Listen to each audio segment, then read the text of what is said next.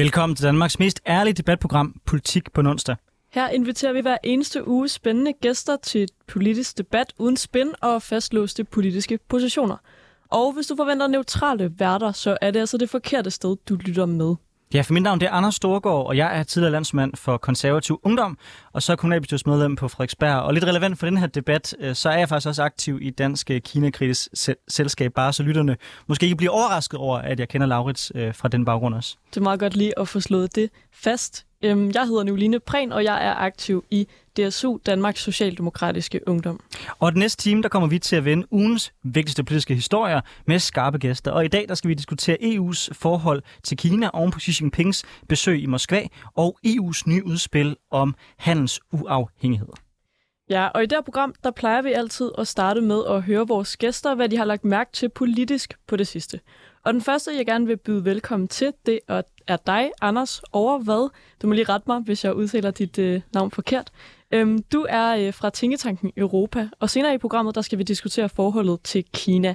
Men øhm, hvis vi lige starter med, hvad der ifølge dig, Anders, har været øh, den mest interessante nyhed i ugen, der er gået.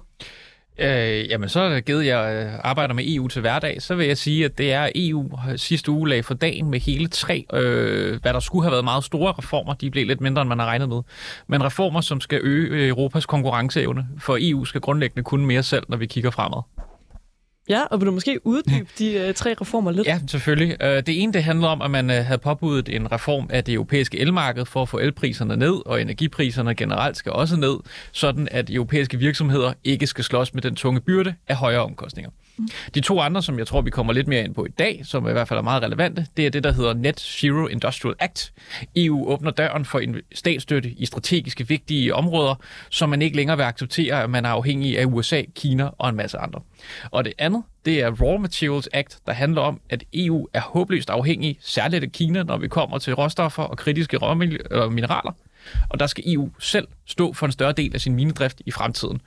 Det er ret stor nybrud, fordi at statsstøtte er noget, man traditionelt ikke er store fans af i EU, men også minedrift er noget, vi har valgt at udlicitere. Og jeg tror, at de sidste ja, coronakrise og Ukrainekrig har vist EU, at vi skal kunne mere fremad, øh, eller selv skal kunne mere. Mm. Så der ser jeg faktisk nogle ret store nybrud. Så er, er, er du begejstret, eller er I begejstret i Tænketanken i Europa? Øh, det er den rigtige vej at gå, men jeg tror også, at jeg kan sige roligt, at nok ikke er lige så langt ude på, at vi skal ud af Kina, som øh, vores næste ekspert, der kommer her på banen. Noget, jeg, og vi kommer til at snakke Kina meget mere, men hvis vi prøver at holde det lidt mere overordnet mm. på øh, EU's øh, handelspolitik, som du selv bringer på, øh, på banen her. Øh, USA har fået enormt meget presse øh, på den her øh, øh, Inflation Reduction Act, hvor man prøver også at poste nogle penge ind i den grønne sektor. Men jeg så faktisk også en opgørelse, der viste, at EU faktisk gav markant mere støtte men det, der var med det amerikanske system, det var, at det var meget mere simpelt, og det var meget mindre regulativt. Så mit spørgsmål til dig, det er, er løsningen i virkeligheden, at EU kommer med flere penge, eller er det, at man i EU gør sine systemer lidt mere simple? Altså er det, er det i virkeligheden byråkrati, der er issued i EU-systemet, eller er det mangel på penge? Øh, jeg tror ikke, at de to ting er modstridende. Byråkrati er helt klart et problem i EU. Det går meget træt. Øh, skal man kunne lave statsstøtte i EU, så bruger man det, der hedder en IPKAI. Øh, der kan virksomheder få lov at søge om at være med i nogle processer. Og efter to års øh, nådeløs byråkrati, så kan man måske få et tilsavn, om man kan få statsstøtte. I USA derimod, der har man nogle prædefinerede krav for, hvornår man kan modtage de her såkaldte skatterabatter, og det gør det meget nemmere for virksomhederne at gå ind i. Men når du så siger, at amerikanerne har flere penge, så synes jeg faktisk, det er en sandhed med modifikationer.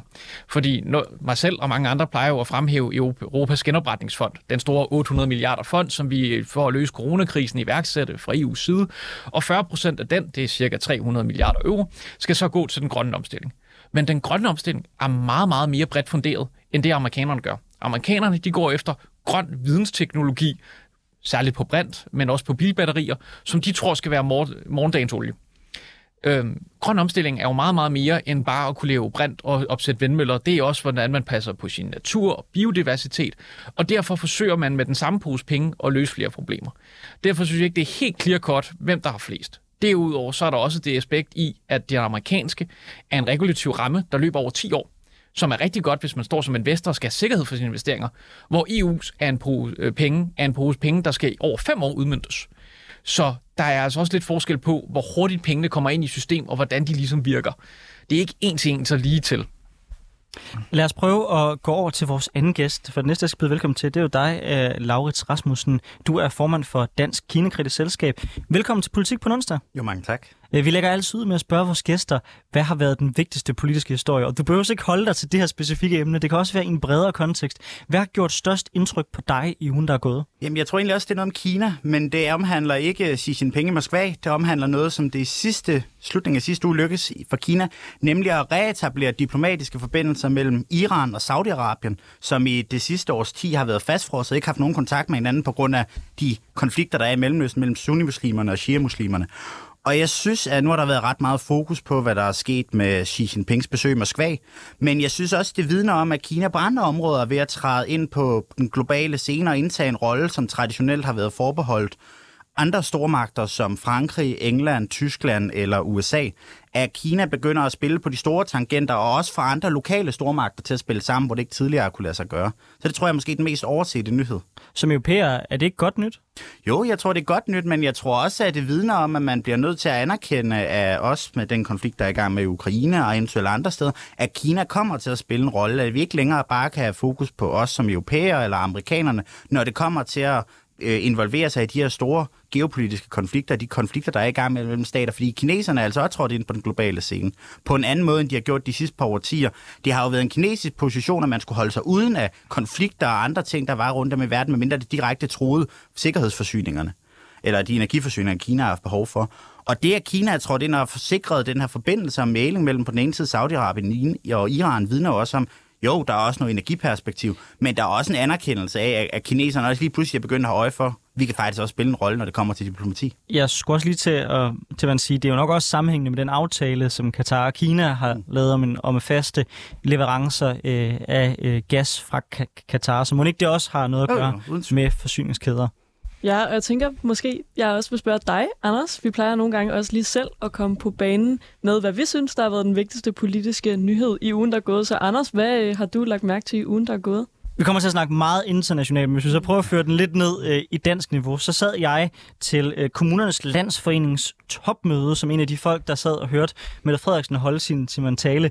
Og jeg synes, det var en interessant tale. Øh, for det første, fordi at øh, hun fik nævnt både Reagan, Churchill og Merkel. Det er jo altid lidt interessant at høre en rød statsminister, som jeg stadig vil, vil kendetegne hende som, name drop det. Hun name droppede også øh, Olof Palme, men det var mere sådan en, borgerne er også så besværlige, at de, de kræver højere og højere service.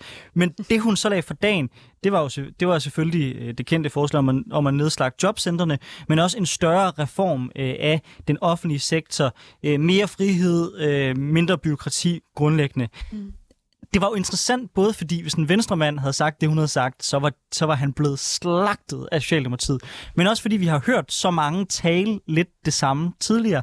Og jeg er i virkeligheden bare virkelig spændt på, om den her øvelse rent faktisk lykker, mm. lykkes, eller det man ender med at gøre, det er at ansætte endnu flere djøffer, der skal lave endnu flere analyser af, hvorfor der er for mange djøffer, og ting bare kører i sådan en, i sådan en cirkel. Øhm, lidt efter det citat, som Oscar Wilde engang sagde, nemlig, The bureaucracy is, is expanding to meet the needs of the expanding bureaucracy. Mm. Øh, det er lidt min frygt med den her øvelse, men jeg forbeholder mig stadig med en vis optimisme og tro på, at det kan, det kan blive godt. Hvad tænker du som socialdemokrat? Øh, det var ikke sådan en klassisk socialdemokratisk tale, var det vel? Nej, nu vil jeg sige, jeg har ikke øh, hørt den konkrete tale, øh, men det er ikke nogen hemmelighed, at jeg er en af de socialdemokrater, som er skeptisk over for SVM-regeringen, som i hvert fald øh, meget hellere havde set en ren S-regering eller en rød øh, regering. Øh, jeg synes, at der er nogle ret interessante takter i det her med, også jeg tror, det var til, til åbningstalen øh, i Folketinget, hvor Mette Frederiksen sagde det her med, at man skal øh, overgå fra at være øh, velfærdsstat til at være velfærdssamfund. Øhm, så også noget med, at øh, civilsamfundet skal spille bedre ind i velfærdsstaten. Øhm, det synes jeg egentlig er, er meget spændende, øhm, og jeg tror, at der også er behov for, at man på en eller anden måde får taget det opgør. Men, men jeg er sådan set enig med dig i, at jeg kan godt være nervøs for, øhm, om det kommer til at lykkes, og om man kommer til at, at glemme nogen undervejs. Anders øh, Overved, nu, nu ved jeg godt, det er det lidt ude for det normale felt, som Tænketanken i Europa blander sig i, men har du hørt Mette Frederiksens tale eller set overskrifterne, og hvad tænker du øh, om, om det her spørgsmål? Jamen, jeg tror generelt ikke, der er nogen, der er imod at gøre ting smartere og afbiokratisere. Øh, jeg tror heller ikke, jeg kan huske et tidspunkt, hvor vi ikke har snakket om, at man skulle gøre det. Øh, så man kan da håbe, at det lykkes den her gang, men jeg kan da godt have min tvivl. Laurits? Jamen, jeg tror, der har ikke været en statsminister de sidste 40 år, som ikke har ønsket at afbyråkratisere. Det er spændende at se, om, om det lykkes nu. Noget, jeg faktisk synes var lidt mere interessant i hendes tale, det var det der med, nogen har kaldt et opgør med den universelle velfærd, at vi ikke nødvendigvis kan forsænke og få den samme velfærd, hvis vi bor i forskellige kommuner, fordi at i den afbiokratiseringsdagsorden, den frisættelsesdagsorden, ligger der også et eller andet håb om, at kommunerne i højere grad kan tilpasse velfærden individuelt. Jeg er lidt spændt på at se, hvilken retning det tager, for det piller måske, apropos noget af det, Nicoline sagde, ved nogle af det sådan grundlæggende ved at være den socialdemokratiske velfærdsstat, om vi er på vej i en ny retning, et velfærdssamfund. Det bliver enormt spændende, men øh, lad os gå over til dagens debat.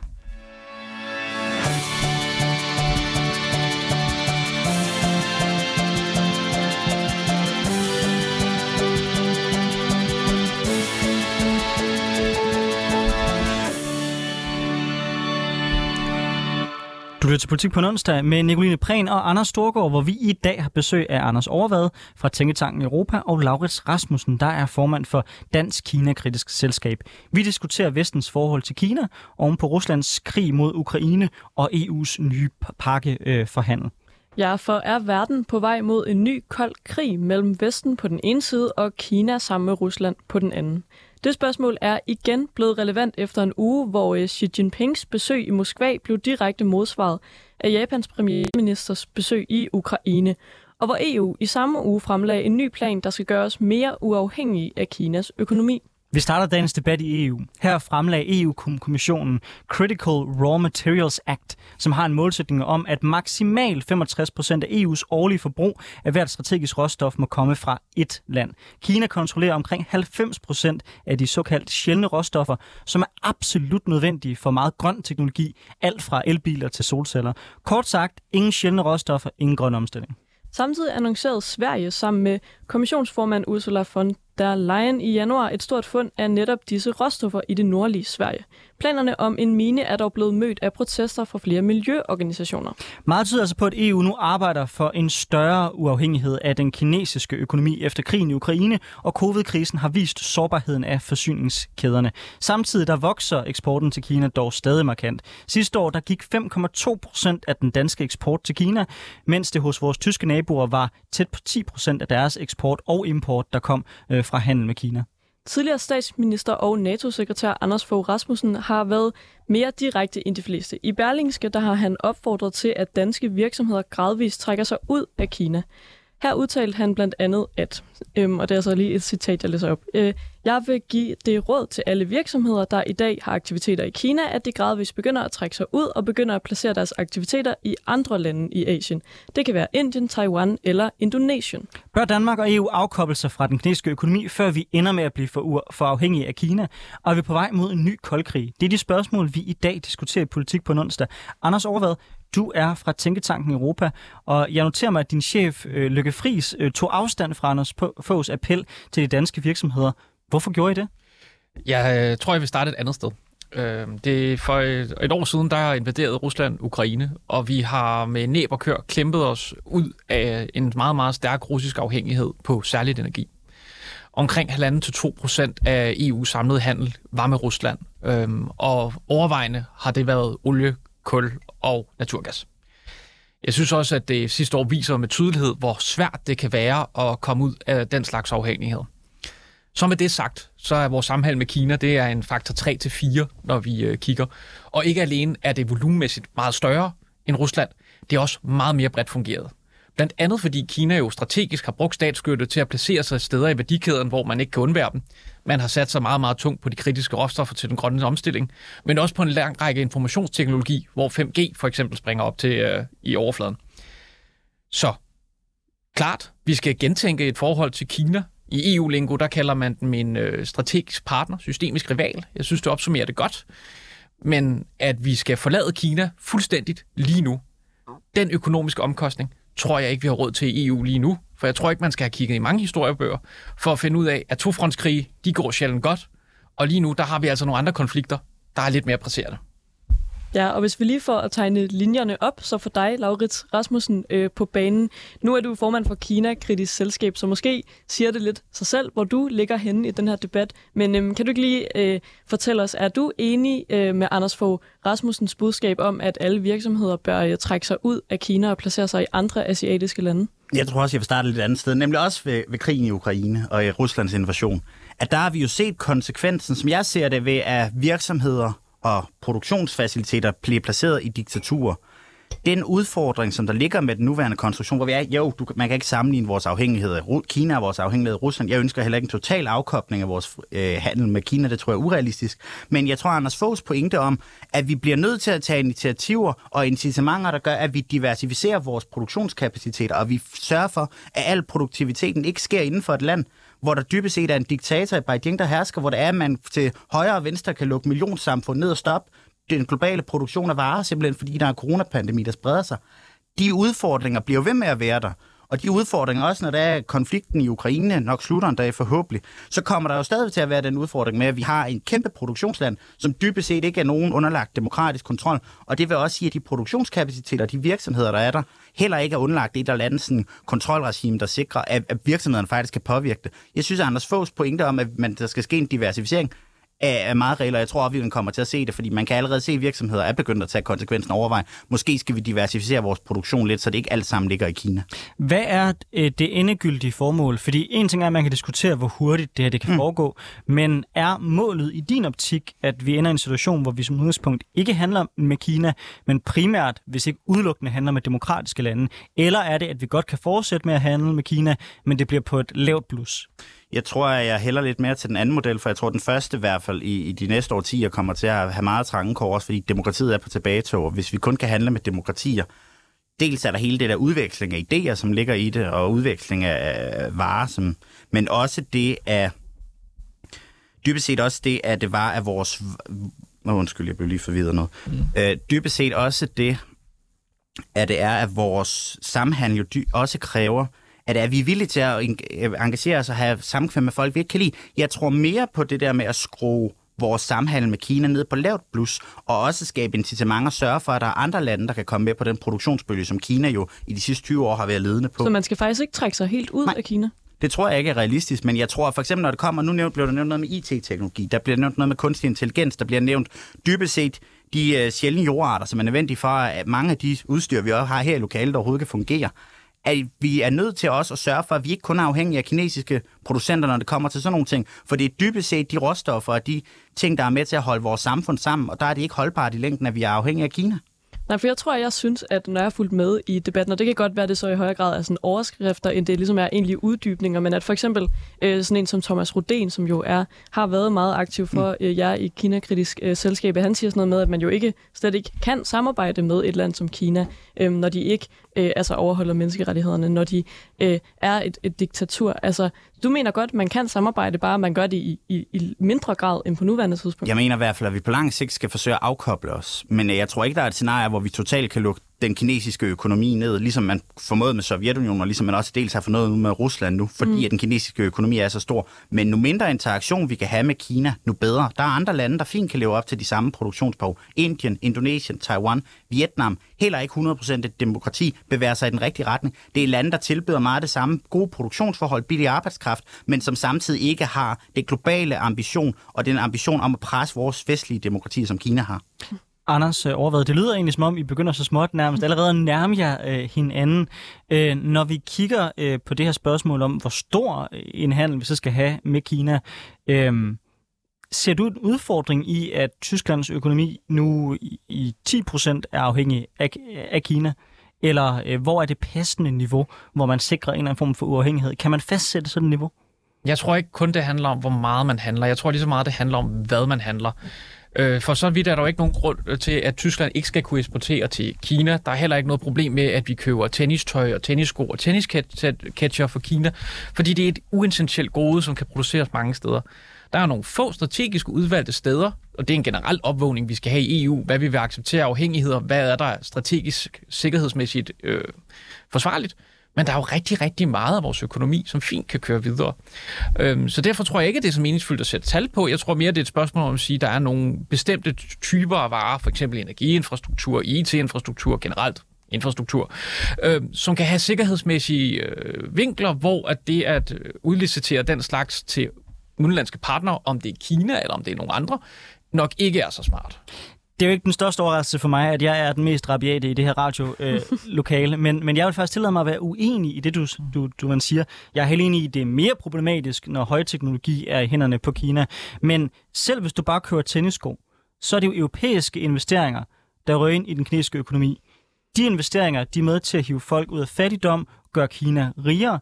De penge kan Kina investere i militær, og de kan investere i øget velstand, hvor det kinesiske diktatur kan vise deres borgere, se hvor meget fremgang vi skaber.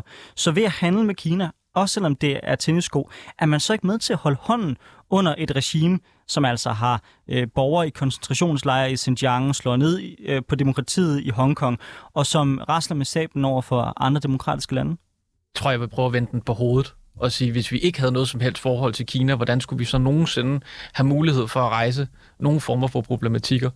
Det her, det er, altså, nu er Indien lige blevet større på befolkningsstørrelse end, øh, end Kina er, men ellers så verdens største land. De kommer til at være en magt i udenrigspolitisk faktor. Det kommer vi ikke udenom. Det har de også prøvet at bygge op i mange år med Belt and Road Initiative, hvor de med strategiske investeringer i udvalgte lande øger deres geopolitiske magt. Sådan agerer store stater. Det er der ikke noget overraskende i. Men ved at have et forhold til Kina, blandt andet baseret på interdependens, ikke den, vi har haft traditionelt i EU, fordi den har været for naiv, men en strategisk overvejelse om, hvor til vil vi være med med at handle med Kina, hvor vil vi ikke være med, skaber jo også en platform for, hvor man kan indgå i dialog, og vi står i en klimakrise. Hvis kineserne ikke kommer med ind i den, så kommer vi ikke til at lykkes med den, så vi kan ikke bare vælge at sige, at vi vil ikke have noget med Kina at gøre. Men hvis du står øh, som forbruger, og, og måske endda også som stat, og har valget, øh, så er der så ikke noget i at vælge at ligge et sted, der ikke er Kina, hvis man ligesom har muligheden for det, også selvom det bare måske for eksempel er, er tøjproduktion? Jo, selvfølgelig skal du diversificere, og det synes jeg også bliver fremlagt rigtig fint øh, ved siden af mig, at hvis man får alting sin et sted fra, så er man sårbar. Men at gå ind og sige, at man absolut ikke skal have noget med Kina, det tror jeg også vil være naivt. Det er simpelthen for stort marked til, at vores erhvervsliv i Europa vil acceptere ikke at kunne komme ind.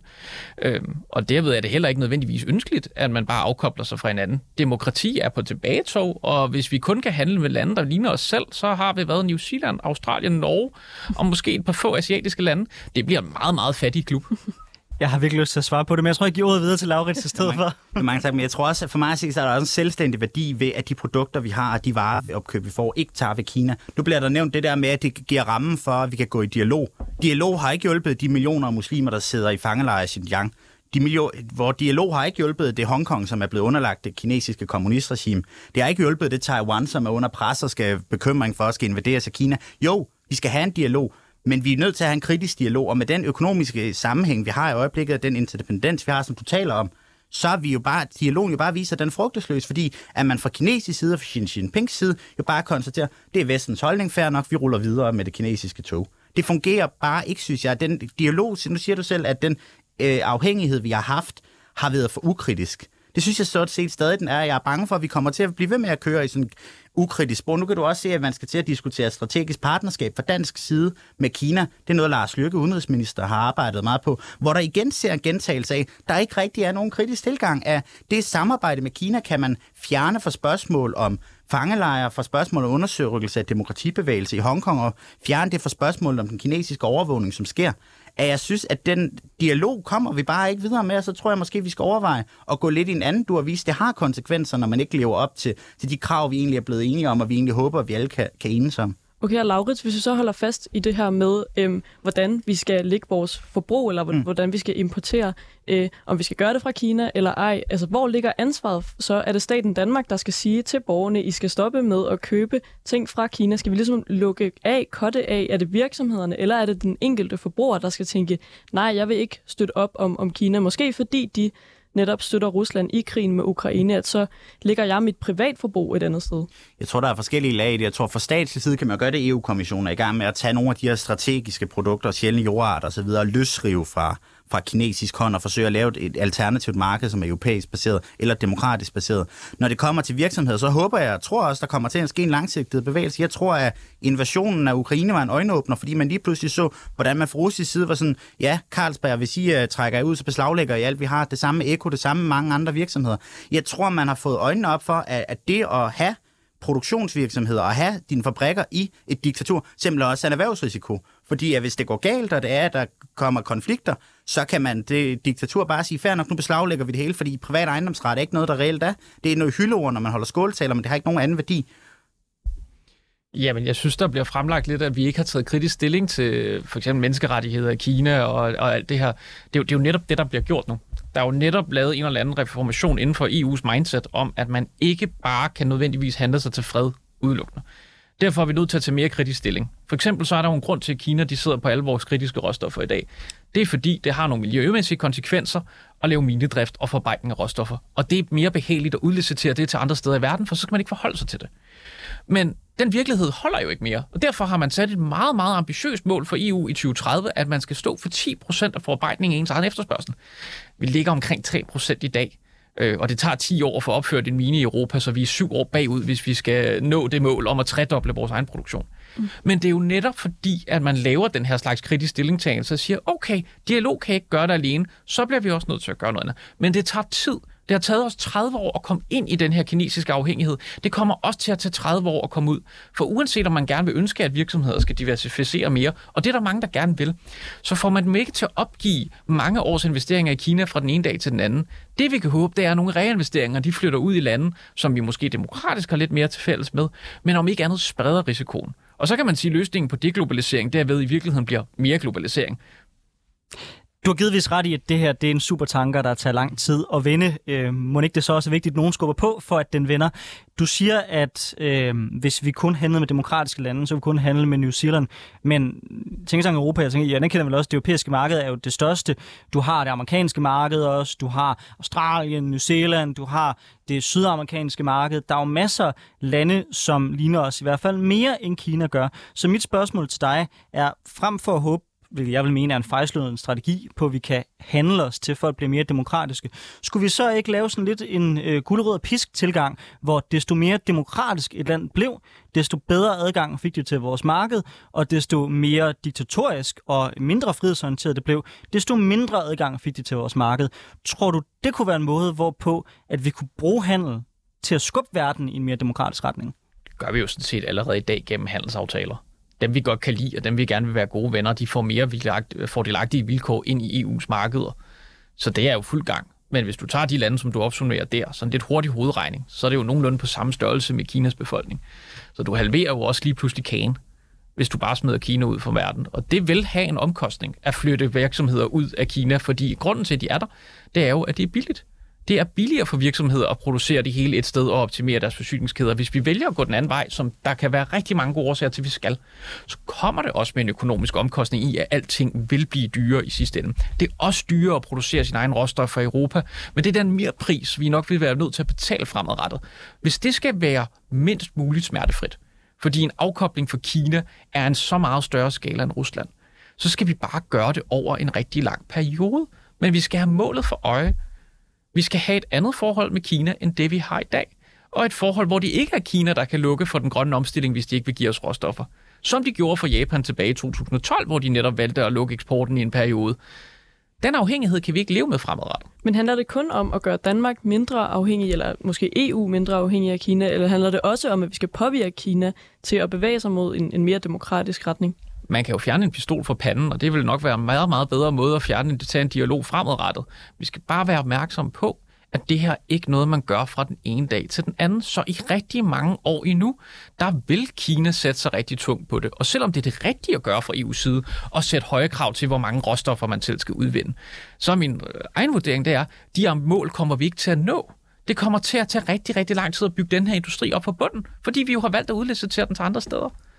Men jeg mener, hvis man holder fast i samarbejde og handel, er det så ikke også fair nok, at man så sætter nogle højere krav til Kina? Man ligesom prøver at påvirke dem i en retning, som, som vi er interesseret jo, i. Jo, og det gør vi netop også. Vi har jo øh, her sidste år vedtaget det, der hedder CBAM, som er sådan et øh, CO2-kvotesystem, at hvis vi ikke vurderer, at man producerer miljøvenligt nok, så lægger vi en ekstra 12 på din vare. Det er altså ikke blevet sønderligt velmodtaget i resten af verden, skal det hele tiden siges. Men det er jo direkte en måde at sige til Kina, I løfter ikke jeres ansvar i den grønne omstilling, derfor så lægger vi en mere pris på, så vores egne producenter kan konkurrere konkurrencedygtigt. Så den der manglende stillingtagelse, som jeg synes, der bliver fremhævet, at man ikke gør noget for at kigge på den kinesiske indflydelse, den vil jeg gerne stille spørgsmålstegn ved. Om den går hurtigt nok i forhold til, hvad man kunne ønske, det er en anden diskussion, men der sker faktisk tiltag. Jeg synes, der har været... Jeg, jeg tror, jeg er enig i, der sker en stillingstagen. Den sker bare meget, meget langsomt, og jeg kunne måske også godt ønske, den skete lidt hurtigere, at man anerkendt dybest set. Nogen vil sige, at vi har været naive i forhold til Kina. Jeg vil måske også sige, at vi har været grådige. Vi har lavet os lede af markedskraften. Det var fornuftigt nok for det meste. Men vi har så også ikke haft, måske haft øje for, at vi har gjort os afhængige af, af, af diktatur dybest set, fordi det var det, der var den mest billige. Og der håber jeg, at vi kommer til at se en udvikling og en anerkendelse af, at geografi, styreform betyder altså også noget, når det kommer til produktionsforhold. Det er der flere vindmølleproducenter, der allerede begynder at anerkende, forsøger at inddele verden i sådan, hvad skal vi sige, handelsfællesskaber. Der er den nord- og sydamerikanske, det europæiske, afrikanske og asiatisk, som man ligesom forsøger at isolere sig selv for de konsekvenser, det for eksempel vil have, når der er Kinas vælger at lukke. Nu blev der nævnt det eksempel med Japan. Der var også for et par år siden, det var så på grund af corona, hvor det var, at magnesiumeksporten til EU lukkede en periode. Det gjorde, at man var kæmpe problem med elbilproduktionen i både Tyskland og Tjekkiet, fordi magnesium spiller en kæmpe rolle, når det er, at det kommer til produktion af elbiler, og Kina står for forarbejdelsen af eksport af 90% af det magnesium, man bruger i EU. Der sker en udvikling af, man som andre siger, det er en supertanker. Det var måske også en supertanker, hvor det kunne være rart, hvis der var lidt flere, der skubbede på for at forsøge at dreje den. Ja, men igen, så tror jeg bare heller ikke, at man skal gøre det her til et simpelt problem. Det er ekstremt komplekst, hvordan man gør sig uafhængig fra mm. nogle andre. Jeg synes, det sidste år med tydelighed viser, hvor svært det kan være at lave sanktioner over for Rusland. Øh, fordi at hvis man skal lave den her form for sanktioner mod Rusland, så skal de gøre mere ondt på Rusland end os selv. Det tager tid, fordi at for eksempel energiinfrastruktur er ikke noget, man ændrede til den ene dag til den anden. Nogen valgte så at springe rørledninger i luften ned i Nord, ved Nord Stream, og det har måske sat lidt fart på noget proces. Mm. Men det tager tid, og det skal gøres klogt, for der er ingen, der har interesse i, at vi står i Europa og ikke kan få varer fra en stor del af verden, hvis vi vælger at skubbe dem fra os. Coronakrisen viste jo med tydelighed, at vi var alt, alt for afhængige af resten af verden. Det er vi stadigvæk, og før vi kommer hen til et sted, hvor vi begynder at kunne tage nogle reelle dialoger og presse tilbage, så er vi nødt til at have gjort opgør med dem, for ellers så ender vi bare med at skyde os selv i foden. Da, da Rusland invaderede Krim, der lavede jeg et indlæg, der handlede om, at vi skulle stoppe for alt russisk olie og gas nu. Der sagde folk til mig, det kan ikke lade sig gøre. Det er en farlig tilgang, der kommer til at ramme vores økonomi. Da de så invaderede resten af Ukraine, der sagde jeg det samme. Der var jeg i radio i Uafhængig, der sagde folk også, at jeg var for langt, for langt ude.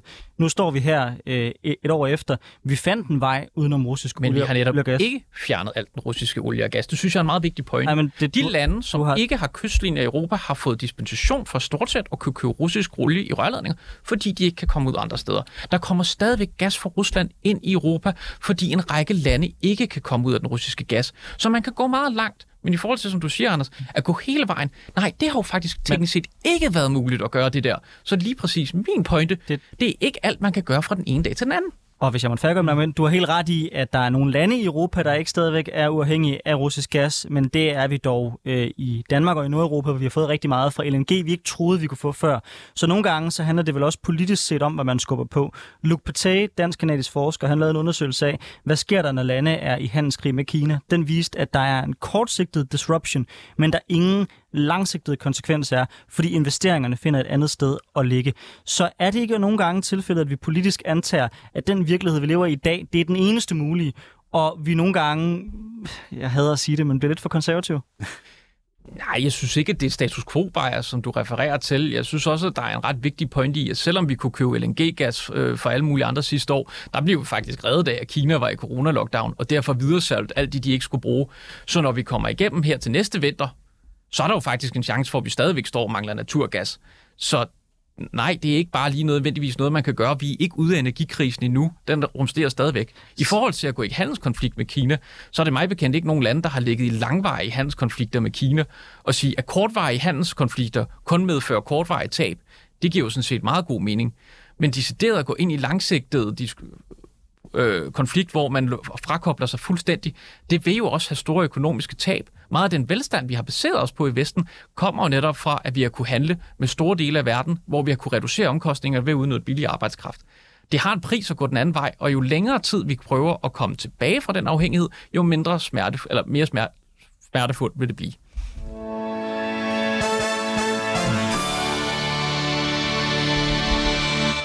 Du lytter til Politik på en onsdag med Anders Storgård og Nicoline Prehn, hvor vi i dag har besøg af Anders Overvad fra Tænketanken Europa og Laurits Rasmussen, formand for Dansk Kina-kritisk Selskab.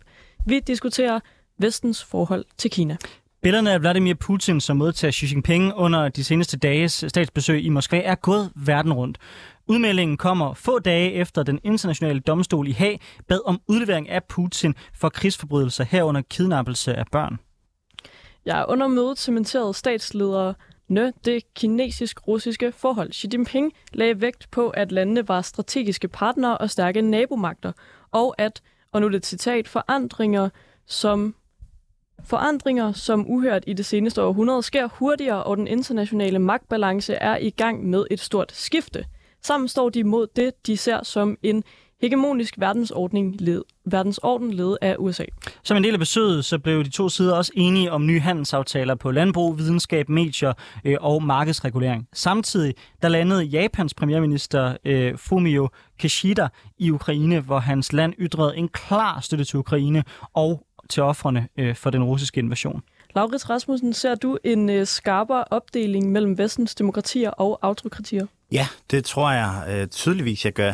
Øh, vi, nogle gange så plejer man at sige, at nogle gange så er der årtier, hvor der sker det samme som uger, og nogle gange er der uger, hvor der sker det samme som årtier. Jeg synes, de sidste par måneder, særligt accelereret af den russiske invasion af Ukraine sidste år, men særligt her efter, efter nytår, er der nogle sådan geo politiske plader, der begynder at flytte sig, at du har Kina og Rusland, som altid har haft en relativt positiv relation, som har nærmet sig den anden. En af de ting, der også var ved den aftale, det var, at Kina Øh, endnu en gang accepteret at importere endnu mere russisk kul, øh, olie og gas, og det giver god mening, fordi de har behov for energi. Men jeg synes også, det cementerer det geostrategiske samarbejde mellem Rusland og Kina. Og når det er, at man kan samarbejdspartnere, mens den ene er i gang med at invadere et naboland, så kan jeg i hvert fald godt være bekymret for, hvad det siger om, hvordan Kina kommer til at agere som stormagt og den stormagtsposition, som de uden tvivl kommer til at have i de næste årtier frem, at når man kan styrke sit samarbejde og styrke sin relation til et land, som hvor der er statslederen og præsidenten, som du siger, er blevet anklaget for krigsforbrydere og for at kidnappe børn, så jeg er jeg godt lidt bekymret for, hvad er det for en stormagt, der er på vej ind på den internationale scene? Er det en, der kommer til at støtte krig i andre dele af erobringskrig i andre dele af verden, eller er det en ansvarlig stormagt, der netop kan være med til, som vi også talte om tidligere, hvor der er udfordringer, hvor der er, vi er behov for at samarbejde med Kina. Den grønne omstilling for eksempel, klimakrisen. Men jeg tror ikke, vi skal være blinde for, at vi er en stormagt på vej ind på den internationale scene, som er ret uforudsigelig, og som jeg godt kan være lidt bekymret for, hvordan kommer til at agere. Anders Overvad, når man lytter lidt til, øh, hvordan øh, verdensforandringerne bliver set i de europæiske øh, hovedsteder, så synes jeg, og i EU, synes jeg, det virker til, at man i EU har en forståelse af, at man kan være sådan en slags middelmagt.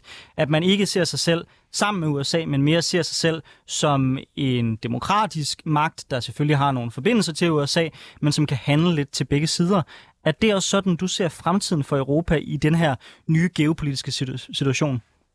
Jeg tror helt klart, der er mange europæiske ledere, der håber på, at der findes sådan et sweet spot mellem USA og Kina. Og nu har vi jo tidligere også snakket lidt om den her Inflation Reduction Act, USA's vej ind i den grønne omstilling.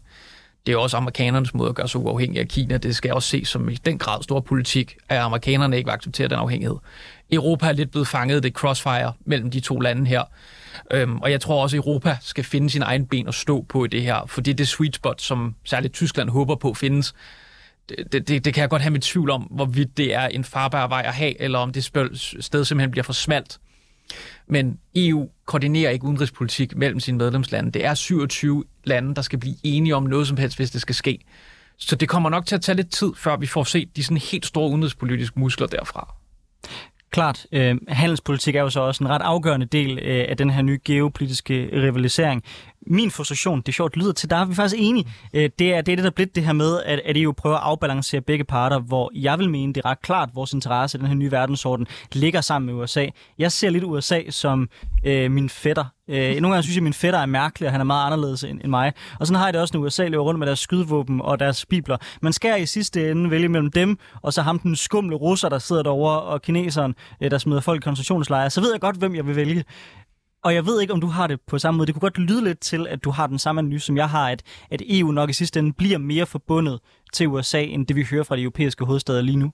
Jeg tror generelt, at EU skal forblive mere forbundet med sig selv. Jeg tror, det er en farlig vej at antage, at amerikanernes interesse vil være de samme som europæernes.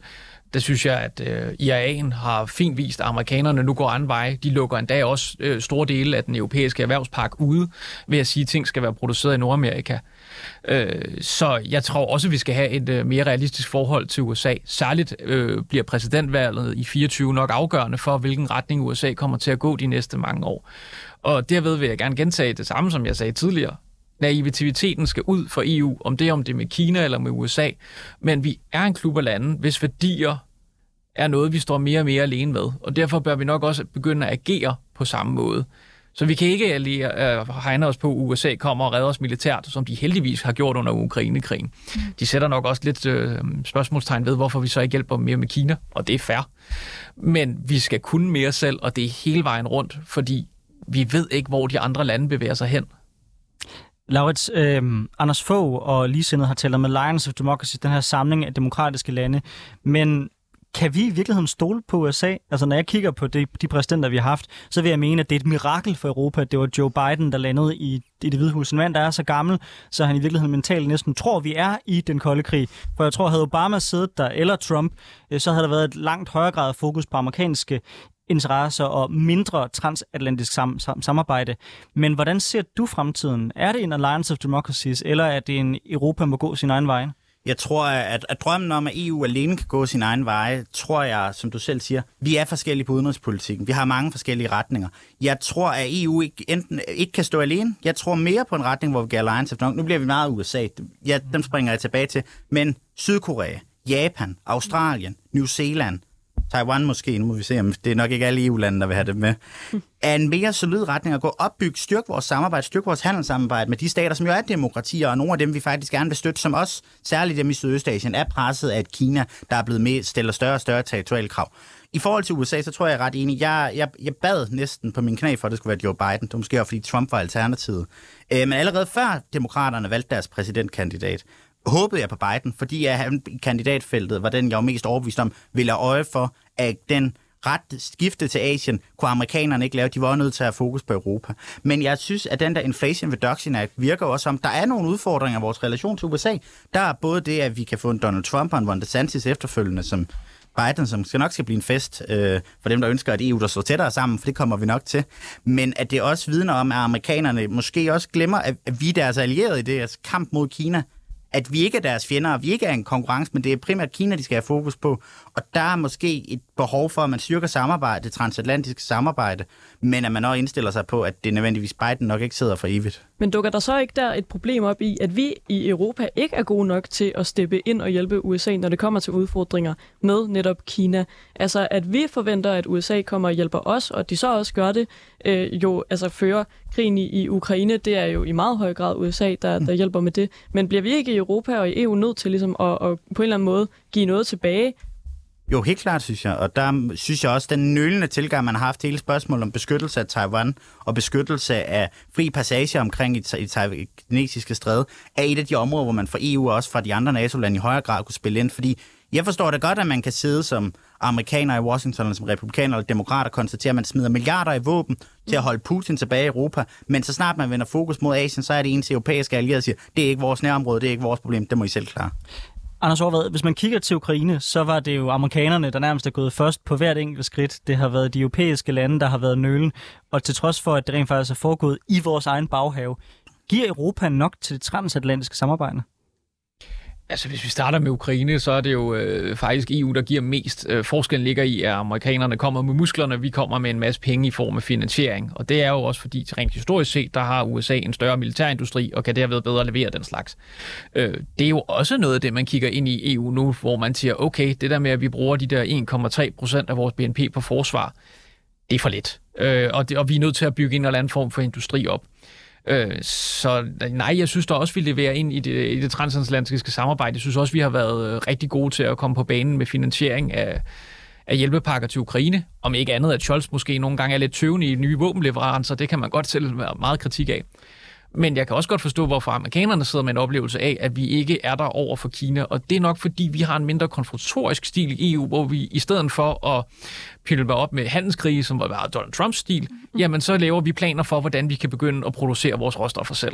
Og hvis vi lige, inden vi går videre til den sidste del af debatten, skal lige nå at vende netop det her med krigen i Ukraine. Er I så bekymret for, at den sådan, kinesiske indblanding kommer til at, at, at gøre, at der, der sker en opskalering, og det måske kan udvikle sig til, altså nogen taler om verdenskrig, nogen taler om, at det bare bliver, bliver sværere for Ukraine, at det trækker ud? Skal jeg starte? Mm. Øh, nej, det er jeg ikke. Øh, jeg tror, Kina er rigtig glad for, at Rusland i den grad har dummet sig, ramponeret deres egen militær, gjort dem håbløst afhængige af Kina, øh, i form af, at Kina eller Rusland har mistet sit største marked til energi. Mm. Det er Kina nu. Kina køber det ikke til de priser, Europa har gjort. Så jeg tror, Xi Jinping er meget, meget tilfreds med det der store nabo mod nord, som ikke kan noget selv længere. Jeg tror, jeg er meget enig i den analyse, men jeg synes også, at skal have øjnene for, at når Kina eksporterer jagtvåben til Rusland, som er fuldautomatiske våben, så er vidnerne måske også, at Kina også har en interesse i at holde konflikten mellem Rusland og Ukraine gående så lang tid som muligt, fordi det nemlig også er med til at trække amerikanske ressourcer væk fra Asien og til Østeuropa.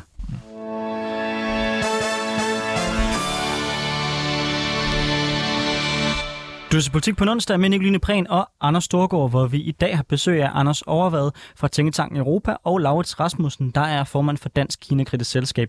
Vi diskuterer vestens forhold til Kina. Ja, og vi har diskuteret både handelspolitik og hvorvidt krigen i Ukraine grundlæggende har ændret forholdet mellem Vesten og Kina. Men hvad med Danmarks forhold til Kina? Siden 2008 der har Danmark som blot 8 ud af 27 lande i EU haft et strategisk partnerskab, et såkaldt Comprehensive Strategic Partnership med Kina. Vi er det eneste land i Skandinavien, der har et sådan partnerskab. Og under dette samarbejde, der styrkes forholdet inden for forskning, fødevare, klima og uddannelse, og man samarbejder tæt om at styrke forholdet mellem landene. Og i år skal aftalen med al sandsynlighed fornyes, og Lars Lykke har været klar om, at Danmark bør forny den her aftale. Anders Aarvad, bør Danmark fortsætte sit strategiske partnerskab med Kina? Så længe det er til vores egen fordel, så kan jeg ikke se noget problem med det. Men igen, vi skal have lagt naiviteten bag os og være bekendt med, at Kina har andre strategiske interesser, end vi har. Og hvordan gør vi så det? Øh, nu arbejder jeg selv med energipolitik i mit øh, daglige virke. Der ved jeg, at der som en del af det her partnerskab, der sendte man en delegation fra Energistyrelsen til Kina, der skulle hjælpe dem med at optimere deres øh, vindmølle- og strømproduktion for at spare en hel masse global CO2. Det gjorde Kina blev bedre inden for den industrielle sektor, og i dag begynder de at presse Vestas også på, hvem der er bedst til at producere vind- vindmøller. Så er det her partnerskab i dag til vores fordel, eller giver vi i virkeligheden dem en hel masse gratis teknologi? Det gjorde vi nok dengang. Vi har i hvert fald været med til at hjælpe dem op på en eller anden form for standard, hvor at Kina i dag udgør en trussel. Og der er det måske noget med i fremtiden at stille danske løsninger mere til rådighed, end det er at lære kineserne op i, hvordan man gør det. Vi har jo behandlet Kina som det her meget, meget fattige land i mange år, fordi vi gerne vil være med til at hjælpe dem ud af fattigdom. Og det har Kina taget imod og også udnyttet. Ja, for der er jo også sådan noget med for eksempel universitetssamarbejder, som er ret stærke. Jeg er selv studerende på Københavns Universitet, hvor jeg ved, der er rigtig mange, altså både studerende fra Kina, især faktisk også Ph.D.-studerende fra Kina. Øhm, Aalborg Universitet har også haft et rigtig tæt samarbejde med kinesiske universiteter, haft afdelinger, sendt danske øh, studerende til Kina og modtaget kinesiske studerende. Laurits Rasmussen, er det noget af det, som man i fremtiden skal bevæge sig væk fra? Jeg tror i hvert fald, vi skal have øje for, når vi har sådan et samarbejde, for eksempel på universiteterne, dem, der kommer her til landet, er jo forpligtet at kunne rapportere det, de siger tilbage til partiet. Jeg ved, at på Oxford Universitet i England, når man har studenterklubber omkring Kina, der er det, at man simpelthen anonymisere referaterne derfra, fordi at det, der bliver informeret om, og man må ikke sige, hvem der var til mødet, for ellers ryger det tilbage til det kinesiske kommunistparti. Jeg tror, vi bliver nødt til, den der samarbejdsaftale handler jo ikke kun om, om energiudveksling, den handler også om oplæring. For eksempel var øh, sikkerhedsstyrkerne fra Hongkong på et tidspunkt på uddannelse her i Danmark i, hvordan man lavede kontrol af styrker eller øh, demo, under demonstrationer. Det er måske ikke sådan noget, jeg synes, vi fra dansk side skal bidrage til, hvordan man undertvinger demokratisk oprør. Det er jo det, vi indirekte har gjort. Jeg håber, at man skrotter aftalen og følger, følger de lande i Skandinavien, som vi har et værdifællesskab med. Fordi den, jeg synes, det er lidt en skamplet for dansk udenrigspolitik, at vi bliver ved med at søge dialogen, bliver ved med at søge samarbejde på områder, hvor vi bare kan se gang på gang, at Kina enten vælger at se bort fra det, vi har forsøgt at lære dem, eller vælger for eksempel udvikle Vestas te- teknologi til vindmøller, så de bliver konkurrencedygtige med Vestas, og så begynder at dumpe prisen på de produkter, de udvikler, for at udkonkurrere øh, vores, mark- vores øh, produkter og det trækker måske lidt tilbage til den diskussion, vi havde tidligere. Diskussionen om markedsvilkår, diskussionen om statsstøtte holder jo, hvis det er alle følger reglerne, men det gør kineserne bare ikke. Og der er ikke noget scenarie, som jeg ser det, hvor vi får dem til at, at, at rette ind og følge øh, sådan salg på et frit marked, så synes jeg, at vi er nødt til at tilpasse os. Det gælder også med, med vores samarbejdsaftale. Jeg er meget enig. Uh, leveling playing field virker kun, hvis alle har en leveling playing field, og det, det har Kina ikke, så det skal der findes mm. et svar på. Uh, det er jo det, man også er i gang med i EU at sige, hvordan gør vi det? Men i forhold til det med studerende, altså at være med til at uddanne den næste kinesiske elite af politikere og embedsmænd og øh, erhvervsfolk, det har jeg svært ved at se noget problematisk i. Alt, hvad der bliver sagt på et universitet er åbent, og enhver kan gå ind og sætte sig i et undervisningslokale eller forelæsningssal lad os da netop få hivet kineserne ind og vise dem, at der er en anden måde at gøre det på, end det det kinesiske styre lægger op til. Det kunne da være det mest langsigtede våben, vi overhovedet havde. Men også hvis, det, hvis de skal rapportere tilbage til det kinesiske styre, hvad, øh, hvad, hvad de måske øh, oplever, hvad, hvad de siger, hvad de deltager i. Men der er jo ikke noget af det, der bliver sagt til en forelæsning, der er hemmeligt. Det er jo ikke, fordi vi går ind og placerer dem ind i PET og siger, at de får hemmelige briefinger. Det er offentligt tilgængelig viden, som bliver publiceret i anerkendte tidsskrifter, Hvorfor skulle vi ikke kunne være med til at lære dem om, hvordan vi ser verden og hvordan vi tolker den? Måske bliver de en lille smule inspireret af det. Nu er det ikke kun forskningsdelen, men også det, at man som studerende kan vi sidde i et lokal og være i tvivl om det, jeg siger nu, bryder det et eller andet, andet sted hen? Er det et lukket rum, hvor vi kan diskutere idéer åbent, som jo er hele visionen for universitetet? Eller sidder der dybest set nogen bagved og lytter med, som så bliver indrapporteret til, hvad det er, vi taler om? Jeg synes, det, det, de bryder lidt med den der idé om, at det, øh, uh, universiteter skal være der åbne miljø, hvor der er, at idéerne kan blomstre op, hvis man skal sidde med den der nagende tanke i baghovedet og kan vide, om det bliver rapporteret tilbage. Men hvad vil Kina skulle bruge den information til? Hvis de gerne vil aflytte så har de jo vist, at de har mange andre måder at komme ind i den øh, atmosfære på, og at man sidder og følger med i, hvad der bliver diskuteret blandt de studerende. Jamen igen, lad os da håbe, at man kunne være med til at inspirere nogle unge mennesker fra Kina og sige, måske kan vi gøre tingene anderledes. Men det handler jo om, at for mig at se, at lukke de kanaler af. Vi, og nu har vi overhovedet ikke talt mm. Kinesisk overvågning og TikTok og alt muligt. Det kunne vi sikkert også have haft en hel times debat om. Det kan være, at jeg allerede har haft det. Men jeg synes, at det er omværets formål at lukke de der kanaler af. Og når vi ved, at folk, der er på udveksling fra Kina, har underskrevet, at de skal have pligt til at rapportere til tilbage, de ser og hører, når de er på udveksling, så synes jeg dybest set, at vi skal anerkende, det er et problem. Man skal være velkommen til udvikling, men det skal være ikke noget, der sker gennem en samarbejdsaftale, som er det, vi har med Kina. Men igen er der ikke noget, der bliver sagt i en undervisningssituation, som er fortroligt. Nej, Mange men... professorer skriver også klummer om, hvor de deler deres meninger og betragtninger. Men en del af det samarbejde, vi har på uddannelsesområdet, er jo også, at der kommer øh, kinesiske universiteter til Danmark, øh, og at meget af vores undervisning i Kina jo dermed også bliver, altså om Kina bliver præget øh, gennem, gennem og, de... Og det er et problem, fordi så har du lige pludselig lavet konklusionen, før du lavede analysen, og det skal man jo aldrig have et universitetsmiljø. Det så det er jo afhængigt universitet, skal vi jo fastholde. Og men at der så... kommer kinesiske studerende ind i klasselokalet, det kan jeg ikke se et problem i. Og så et andet element er det, er, at man laver forskningsartikler sammen. Blandt andet kom det for nylig frem, at flere europæiske forskere havde medvirket til at lave øh, overvågningsteknologi, som godt nok var tiltænkt civilbrug, men som øh, folk, forskere forbundet til kinesiske militær, var, var med, medvirkende på. Så anerkender du i hvert fald, at der kan være problematikker med det forskningssamarbejde, vi har med Kina også? Selvfølgelig kan der det, og det der det er jo også et rigtig godt eksempel på, at man skal jo også ligesom være enige om, hvad det er, man samarbejder omkring, og konklusionerne må aldrig lavet på forhånd, når man laver forskning. Jamen, det er et fint glimrende eksempel at hive ind i debatten, og det vidner for mig at se også om, igen, apropos det, vi er blevet med tilbage til den naivitet, som har kendetegnet vores samarbejde, at vi har indledt forskningssamarbejde med teknologi, der dybest set kan bruge til at undertvinge befolkningen i sin Xinjiang. Det var et eksempel for et par år siden med noget med sådan ansigtsgenkendelse for Aalborg Universitet. Og jeg tror måske også, det er en af de vigtigste ting, jeg håber, man kan tage med, men jeg håber, at vi fra dansk side og europæisk side bevæger os i retning af at bryde med den naivitet, vi har haft omkring samarbejdet med Kina. Anders øh, Overvad, øh, når vi står her om fem år, er vores eksport til Kina, er den så større eller mindre, end den er i dag? Nej, jeg tror, den er omkring det samme. Laurits? Forhåbentlig mindre. Alright. Tusind tak, fordi I var med i Politik øh, på en onsdag. Øh, tak til dig, Lars Rasmussen, formand for Dansk Kine Kritisk Selskab. Også tak til dig, Anders Overvad fra Tænketanken Europa. Jeg synes, vi fik en interessant og også nuanceret diskussion om øh, det forholdet til Kina her i programmet. Og hvis man synes, det her det var et interessant afsnit, så kan man høre øh, dette og mange andre på de postcard platforme, man bruger. Vi anbefaler 24-7's app. Der kan man nemlig også foreslå, hvad vi skal tage op i kommende programmer og i øvrigt stille spørgsmål, hvis man er interesseret i det.